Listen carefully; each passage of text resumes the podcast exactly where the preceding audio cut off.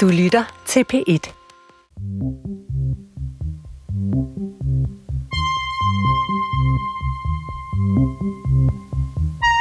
Det føles som at være inde i en boble uden efterklang her i radiostudiet langt over midnat, og hvor vi nu har opholdt os i 17-18 timer, programmedarbejderen og jeg, lydteknikeren. En boble fyldt med hinandens tobakståger, tåger, der lægger en dæmper på det skarpe lys fra de små farvede knapper og lysdioder i alt det elektroniske grej. Fyldte askebæger, især det, der er indbygget i lydmixeren, og som sidder i samme modul som ølflaskeholderen, som først kommer i brug et par gange, når natten går på held, og energien er ved at slippe op.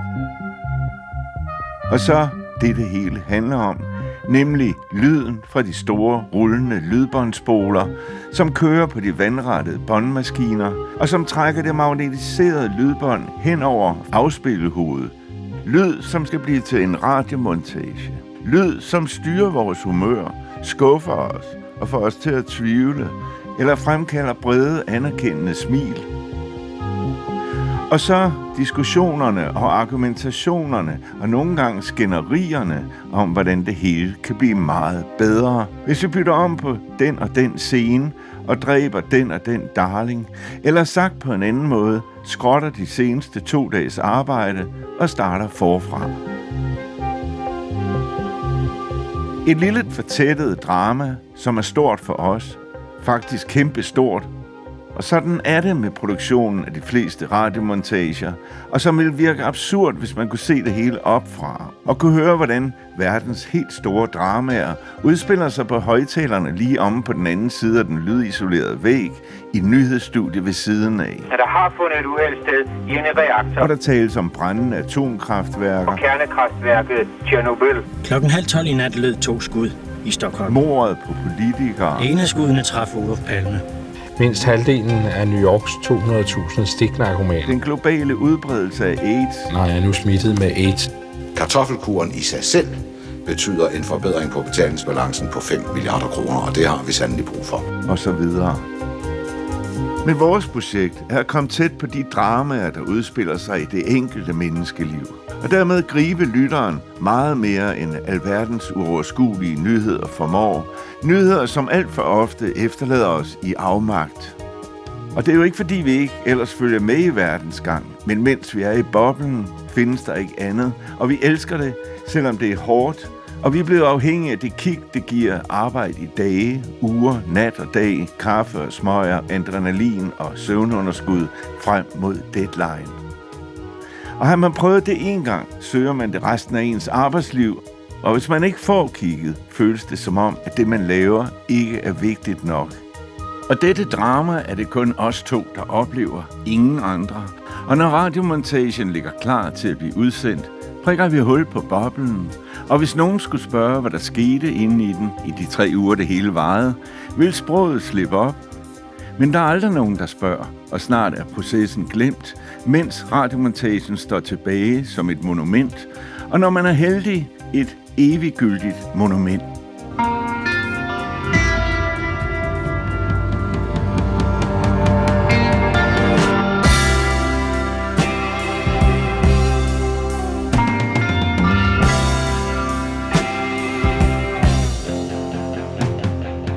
Som nu antydet skal dette 9. afsnit af Eliten for Rosenørns Allé med underoverskriften Hvad skete der mon i Aarhus? handler om, hvordan vi redigerede radiomontager tilbage i 1980'erne. Jeg hedder Torben Brandt, og jeg er blevet bedt om at skildre, hvordan jeg oplevede radiomontagemiljøet i DR fra midt-70'erne til midt-90'erne. Og lige nu befinder vi os i en gylden periode, hvor de internationale priser nærmest regner ned over os, og hvor vi har fået et stort netværk af internationale kolleger, kolleger, som er nysgerrige efter at finde ud af, hvad hemmeligheden bag alle succeserne er, og nysgerrige efter at møde de montører, som nu nærmest har fået stjernestatus. Folk som Niels Peter Juhl Larsen, Steven Schwartz, Viggo Clausen og ikke mindst Christian Stentoft. Alle navne, som vi har været omkring i tidligere afsnit. Men respekt står der også omkring vandbærere som Erling Christensen, der producerer og laver lyd på et hav af radiomontager i teater- og litteraturafdelingen, Ikke mindst Christian Stentofts, altså indtil Clemens Johansen, som sidder i Aarhus, overtager lydarbejde med Christian Stentoft, og bliver hans hoflydtekniker hele vejen igennem 80'erne. 22 radiomontager, når de to er lavet sammen på 10 år.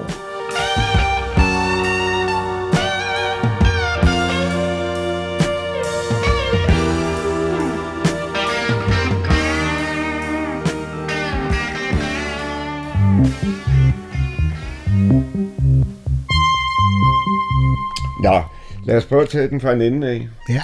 Jeg har opsøgt Clemens Johansen i hans hjem i Rønde, nord for Aarhus. Her bor han nu 76 år gammel i et sommerhus. Men vi har sat os ud i sommerhusets annex, hvor vi er omgivet af lydudstyr for dengang for 30-40 år siden. Udstyr købt på DR's auktioner. Jeg er her for at få svar på et spørgsmål, der har trængt sig på lige siden dengang i 1980'erne. Altså, jeg sad der i København og tænkte, hvad fanden foregår der oppe i Aarhus? Er det sådan et magisk værksted, der er siden Christian Stentoft hele tiden rejst til Aarhus for at lave sine montager? Jo, øh, men det kom i stand, fordi Viggo Clausen ville det sådan. Altså, jeg havde jo arbejdet sammen med Viggo Clausen på Islands Brygge. Og så man sagde, jamen, når han nu ikke selv havde noget at lave sammen med mig, så skulle i hvert fald, så skulle Christian i hvert fald. Så, så, så derfor så kom Christian op. Ja, det gjorde han, altså ikke mindre end 22 gange i det hele. Men det med magien svarer Clemens Johansen aldrig rigtigt på. Her gælder vist den samme regel som for en radiomontage. Don't tell it, show it. Spar mig for dine forklaringer, vis det. Og det gør han så. Kan du huske første gang, du møder Christian? Øh, nej, jeg kan huske opgaven, fordi den var jeg meget træt af allerede fra starten, fordi Christian var helt ny, og han lavede alle de unåder, som programfolk jo tit gjorde, når de lavede optagelser med Nagra. Nagra er en ualmindelig god transportabel båndmaskine og tung af helvede til. Men folk var ikke rigtig oplært til at bruge noget så simpelt som den mikrofon, det hele skal igennem. Der var meget knit og knat og raslestøj og forkert mikrofonafstand. Og lige det talent havde Christian ikke dengang.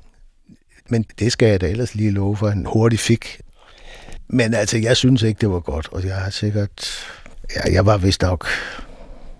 Der var mange, der syntes, at de gerne ville arbejde sammen med nogle andre end mig. det var en udsendelse om en lille pige, som var faldet i med en eller anden musikgruppe på et lille sådan sidegadehotel på Vesterbro. Indehaveren af det der hotel, han sad så selv i skranken altid. Har du været sammen med en whiskygruppe? Ja, det er min venner. Nu, nu er det kommet ud. Altså, nu forstår jeg det bedre. Det er mine venner. Og han var lidt bekymret for den der pige, som øh, ikke blev ordentligt behandlet af det der band. Så derfor så, så frittede han hende hele tiden ud. Hvem er din ven? For det første var han ikke helt klar over, hvem af musikerne det var. For det andet så var han ikke helt klar over, om hun var klar over, hvad det var for nogle mennesker. Men det er ham, den sorthårede med fuldskægget. Jo, den, den skønnere. Han er den skønne fyr. Du har simpelthen taget den skønne stof. Nej, Han er, han er gift to gange. Fire børn. Nå. Nå, hvad siger du til det?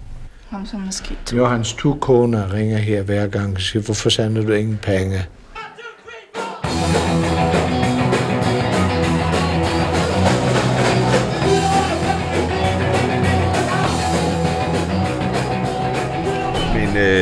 Du er kendt for at være en mand, der er meget ærlig, og som du sagde før, skabte både fjender og venner. Hvordan startede jeres forhold? Skræmte du livet af ham som den unge, uerfarne mand, han var? Øh, nej, det gjorde jeg så åbenbart ikke. Det gjorde jeg ikke. Han kom sgu igen med jul i det gamle forsorgshjem. Så radiomontagen Jul i det gamle forsorgshjem, som jeg diskuterede i afsnit 7, og hvor vi holdt jul sammen med en række skæbner på kanten af samfundet, og så den fordrukne huslæge Dr. Glæder, som sagde en del sandheder om livet. Den blev altså samarbejde nummer to mellem Christian Stentoft og Clemens Johansen.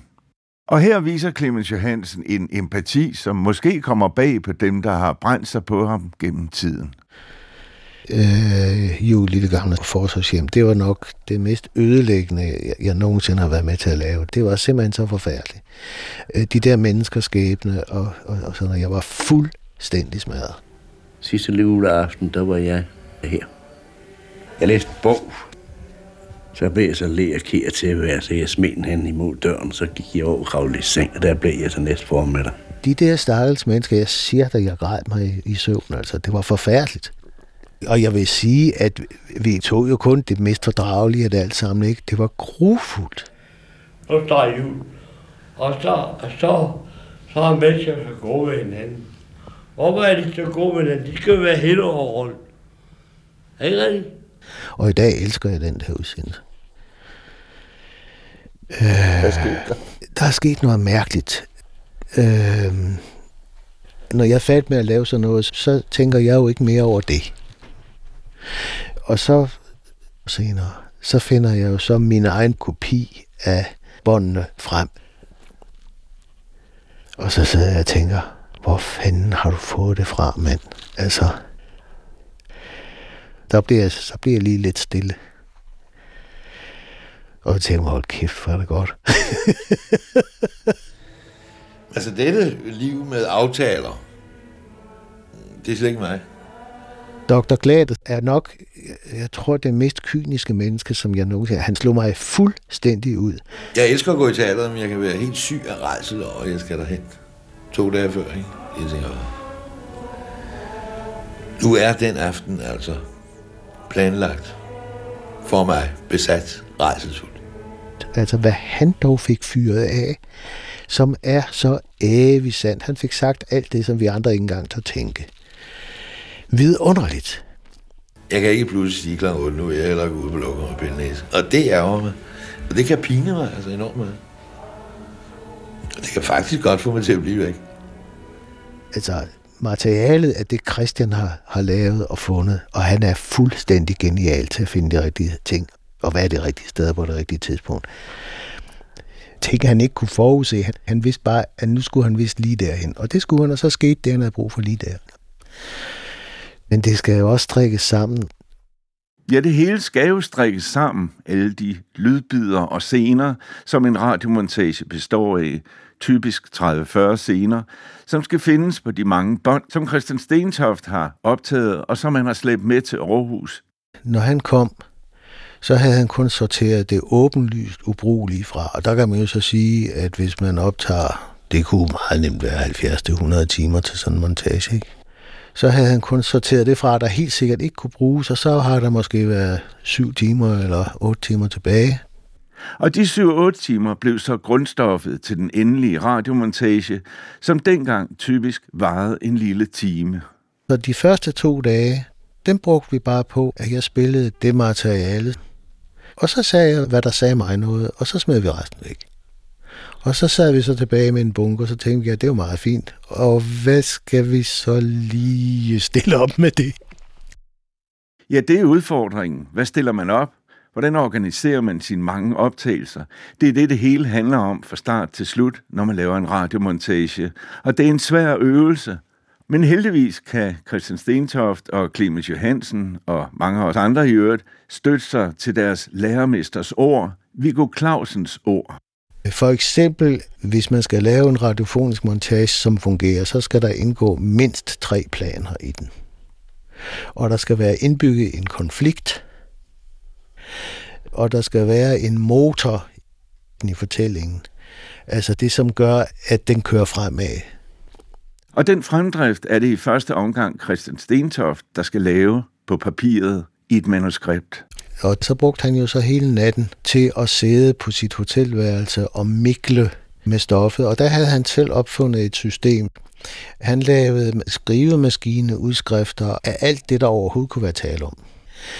Og det lå så på nogle A4-ark, og så klippede han med en saks linjer ud af det der stof. Og så lagde han det ind i nogle plastiksætækker i den rækkefølge, som han nu tænkte, det kunne bruges i. Og så lavede han fotokopier af det, og øh, så fik jeg de der nyduftende fotokopier, og så sad vi og kiggede på det. Og det her er Clemens Johansens lytning af et overvældende materiale kommer ham til gode, fordi han har fået et godt overblik, selvom han ikke har været med i de måske mange måneder Stentoft har optaget og tænkt over sin historie. Og øh, når så vi vidste, hvad det var, vi ville, så sendte jeg Christian hjem. Og så satte jeg mig ned og brugte måske fire dage på at reparere klip. Sådan at der ikke var et eneste klip, der kunne høres, fordi det kunne jeg simpelthen ikke have. Hvis nogen sidder og fordyber sig i at høre en radioudsendelse, så skal der altså ikke være et eller andet, hvor man siger, hvad var det? Det skal køre sådan, at filmen bare kører ind i hovedet, og man skal ikke tænke en tanke andet end at se de billeder, der som kommer. Og der skal ikke ret meget til. Et, dårligt mix, eller et dårligt klip, eller et umusikalsk klip. Det er næsten det værste. Så falder det hele på gulvet. Og det med at klippe var en anderledes fysisk øvelse dengang, før digitaliseringen. Og modsat filmklipperne, som jo sagtens kunne se billederne i hver enkelt frame, så sad vi med et ensfarvet bånd, hvor den eneste måde at se lydbillederne på, var at trække båndet hen over afspillet hovedet. Man kørte båndet, og så stansede man det, og så kørte man lidt frem og tilbage hen over tonehovedet, indtil man fandt det sted, hvor man skulle klippe. Hak, så klippede man med en saks, og så rådede man videre på båndet, til man fandt det sted, hvor man nu synes vi skulle ind igen. Så klippede man hak med saksen der, og så klister man det sammen, og så i klippet sagde det enten bums, eller der var en bil, der enten forsvandt, eller et lokomotiv. Der var altid noget i vejen. Og når der var noget i vejen, endte man ofte med at lede efter noget, der kunne være dæklyd, eller måske en længere pause, og dem prøvede man så at finde i de høstakke af afklippede båndstumper, der havde samlet sig på studiegulvet.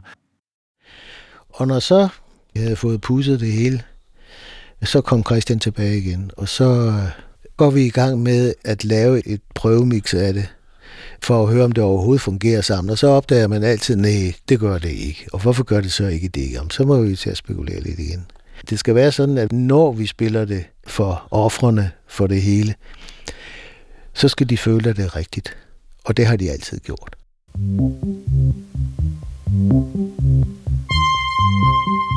Og når først rækkefølgen af scener er lagt, lagt på hver sin båndspol, skal det hele spilles sammen på masterbåndet. En proces, som både Clemens og jeg har svært ved at beskrive – men det kan min jævnaldrende kollega, lydteknikeren Thorsten Elmqvist, til gengæld. Alting, det var jo indfætninger til en scene, der skulle etableres, og krydsfætninger over til den næste scene. Og alting bevægede sig nærmest sådan umærkeligt øh, og flettede sig ind i hinanden, kom fra en tid til en anden, fra et sted til en anden, hvor du bare langsomt øh, opfattede, nu er jeg et andet sted, nu sker der nogle helt andre ting her. Nærmest sådan lidt form for impressionisme, altså hvor man lige først ser et billede, men når man begynder at kigge efter, så, så er det jo, man sådan finder detaljer og nuancer, og pludselig kommer andre steder hen. Det er jo ikke sådan noget aggressivt, eller det er, det, der er ligesom et åndedræt i, i udsendelsen der er en puls, og der er et tempo, som øh, er helt nede. Og også når man sad og mixede de her ting, så var det ens eget åndedræt, man brugte. Når man skulle fra et sted til et andet, og så hvornår skulle fortælleren på, fordi nu hører vi lige, og ham der lige ser sådan og sådan, så fætter vi over til en ny lyd, og så sidder vi sådan her. Og nu. og så kom den næste på. Det var helt fysisk, at man sad. Der skal det være. Det var sådan, man lavede montager dengang. Når først man er kommet i sporet, jamen så begynder det selv at ville. Altså forfattere oplever, at deres karakterer overtager styringen. Og det er også det, jeg oplevede, når jeg sad og mixede de der lange, lange stræk hvor, hvor jeg egentlig havde alt for travlt med at passe fire eller fem eller seks båndmaskiner, og så stadigvæk kunne holde koncentrationen. Og så pludselig få nogle indskydelser, som det er nødvendigt at få, fordi ellers så bliver det jo ikke musikalsk.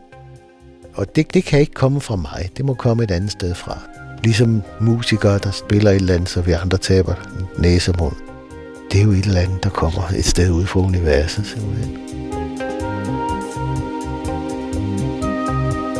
Vi ved jo alle sammen, at Christian havde sit faderopgør, og han havde ensomheden, som han jo aldrig lagde skjul på i medierne, og fortalte, at han fik kontakt med andre mennesker, når han havde en DR-mikrofon i hånden og sådan noget. Ikke?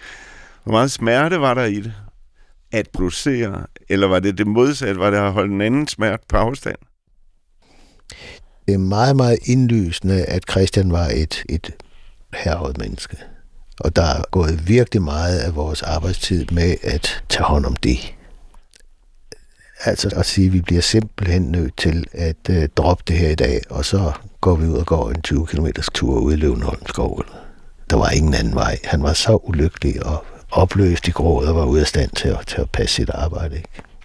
Men vi har arbejdet virkelig godt sammen, må jeg sige. Øh, og vi har taget nogle vidunderlige, skal vi sige, udvekslinger om, hvad det var, vi var i gang med. Og på et tidspunkt begyndte vi at komme sammen privat også. Men jo altså altid på en eller anden måde i forbindelse med noget arbejde. Og i øvrigt var der jo heller ikke tid til det, fordi da det gik højst til, så arbejdede jeg 18 timer i døgnet. øhm, og det bliver man syg af. Jeg bliver meget syg. Jeg fik mavesår, jeg blev blind, og jeg fik tinnitus, og altså alt muligt.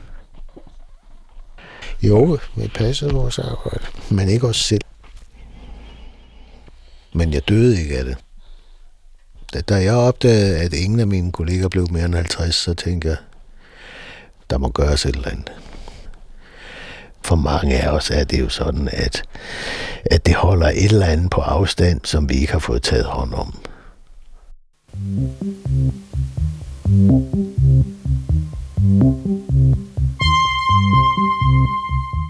Men inden Clemens Johansens sygemelding nåede han og Christian Stentoft, udover Hvem er dit ven og jul på det gamle forsorgshjem, at lave radiomontagerne med titlerne Lisses værelse, Men dommen er på livs ventetid, En stensprængers kærlighed, Sørensens og Papagøjen, Jagtkammerater, Nu timen til ende, Flaskesamler, No Money, No Honey, Hvordan Hans hittede Grete, Piger i fortrinsvis blot med ryggen til publikum, Kaptajn Blod, Klikken for legepladsen, Hawaii-sol, Historien om Denny James, Ordnung, Mus fandme sein, De tusind bøgers eventyr, En dreng, der vil frem, Rolls-Royce-skolen, og til sidst, En handkat i Paris. Men Christian Stentofts samlede produktion, som sluttede i 1994, endte på over 50 styk. Så udover Clemens Johansens og hans samarbejde, havde han altså lavet over 30 andre sammen med forskellige lydteknikere, deriblandt undertegnede, som kom til at lave tre af hans radiomontager. Og Christian Stentofts samlede bagkatalog rummer en lang række perler, en del prisnomineringer og et par vindere. Nogle stadigvæk kendte, andre lidt mere oversete. For eksempel denne. Vi sender med ryggen til publikum. Fra 1986. En montage af Christian Stentoft om at ville dirigere drøm og virkelighed. Så var en ganske ejendommelig ting. Christian spillede materialet for mig, og der var faktisk stort set kun det, vi skulle bruge. Og det var helt klart, at, at det skulle vi have. Historien er, at der sidder en meget ensom pige. Faktisk totalt venløs. Og var vant til at anse mine øh, jævnaldrende for udelukkende at være potentielle fjender. Det eneste liv, hun egentlig har, det er, det er faktisk det kongelige bibliotek.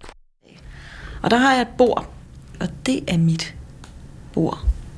Og det har egentlig været det første sted overhovedet i Danmark, hvor jeg har været accepteret. Altså virkelig accepteret. Og der sidder hun hver dag og studerer. Og så en kvart kubikmeter bøger, når man lægger det sammen. Så hun sidder i sit eget lille private bogtårn derinde på læsesalen. Altså hele den her stak, vi har herovre til højre, det er udelukkende psykoanalyser. Det er nogle Freud-tekster. Der ligger altid så min stak, at det som hedder primær litteratur. Det er der, hvor jeg henter min, min forskning. Det er der, hvor begreberne kommer fra. Og så tænker hun tanker. Nemlig, at hun i virkeligheden er en stor dirigent. Men så kunne jeg gudskelov vende mig om, og så kunne jeg se, der sidder musikerne, og de vil ikke noget. Og hun dirigerer nu skal vi store orkester. igennem det her. The London Symphony Orchestra for eksempel. Og så kunne jeg finde de rigtige noder frem og slå op og hive takstokken. Og så kunne vi tage fat. Og for eksempel allerede om 14 dage, der har hun øh, en koncert i Barbican Hall. Og i øvrigt er hun også halvt forlovet med en prins fra det engelske hof. Han har en øh, butler og en kok og en sekretær og, og et par stuepiger og rengøringshjælp. Noget. Altså, han har, en, han har i London en stab på cirka en 8-10 mennesker. Så en gang imellem, så tager hun ud og dirigerer, og, øh, og en gang imellem, så skal hun spille tennis sammen med ham. Og det er bare overnight, og så skal hun tilbage igen til sine studier. Og de tanker tror jeg ikke på. De tanker troede Christian på. Det gav os jo en udfordring. Øh, faldgruppen var, at det pludselig ville blive klart, hvad en af os mente. Og da vi var lodret uenige, så kunne det jo ikke hjælpe noget. Så ingen af os må få ret. Så vi skal holde os hele vejen lige straight på en knivsæk, og vi må ikke falde ned til nogen af siderne. Og så kom jeg i tanke om en optagelse, som jeg havde stående hjemme på min reol med en af Mendelssohns vidunderlige lieder ohne Vorte. Det får så en berettigelse undervejs, fordi Christian i sin grænseløse genialitet, og jeg mener det virkelig, havde fået den idé, når du nu siger, at du er dirigent, samtidig med, at han troede, hun var det.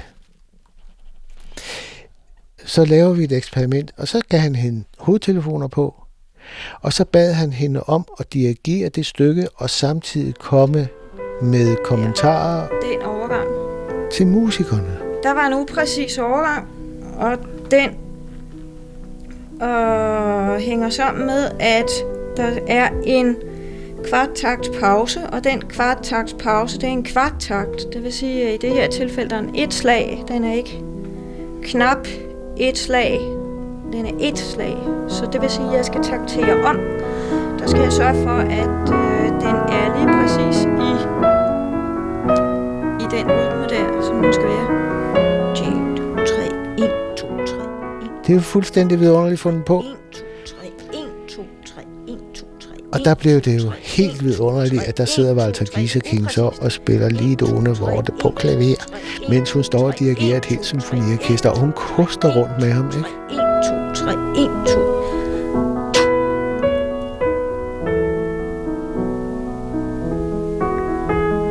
Nej, det er for tjusket. Der er ikke de der 32 dele på, der skal være.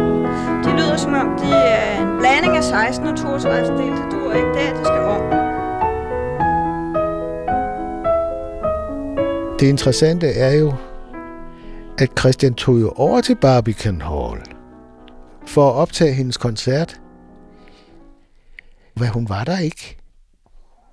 Den koncert, hun skulle have dirigeret, det var ikke hende. Og det kunne Christian ikke forstå. Men den blev jo indstillet til Pri Italia.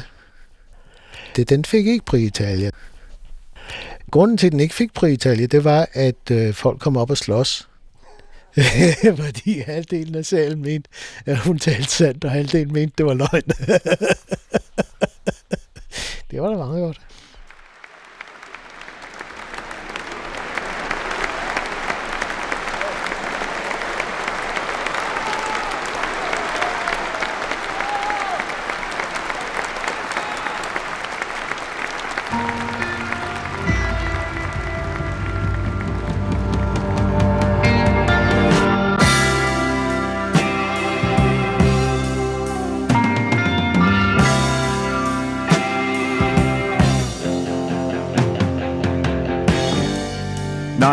Ryggen til publikum fik ikke en international pris. Til gengæld vandt Ole Bornedal Pri Italia for radiomontagen Knust, Kværn og Kvæstet samme år, 1986. Og året efter, i 1987, gik Christian Stentoft helt amok og lavede fem radiomontager, hvor det normale ellers var to-tre radiomontager om året. Og af de fem lavede Clemens Johansen lyd på de to, og jeg lavede en af de tre andre. Afslag på et kys. En af de radiomontager, som må siges have vist sig eviggyldig, ligesom Knus Kværn og Kvæsted i øvrigt. Hør om begge i næste 10. afsnit af Eliten for Rosenørns Alén, som jeg producerer og fortæller i dette afsnit sammen med Clemens Johansen og Torsten Elmqvist. Jeg hedder Torben Brandt. På genhør i næste afsnit.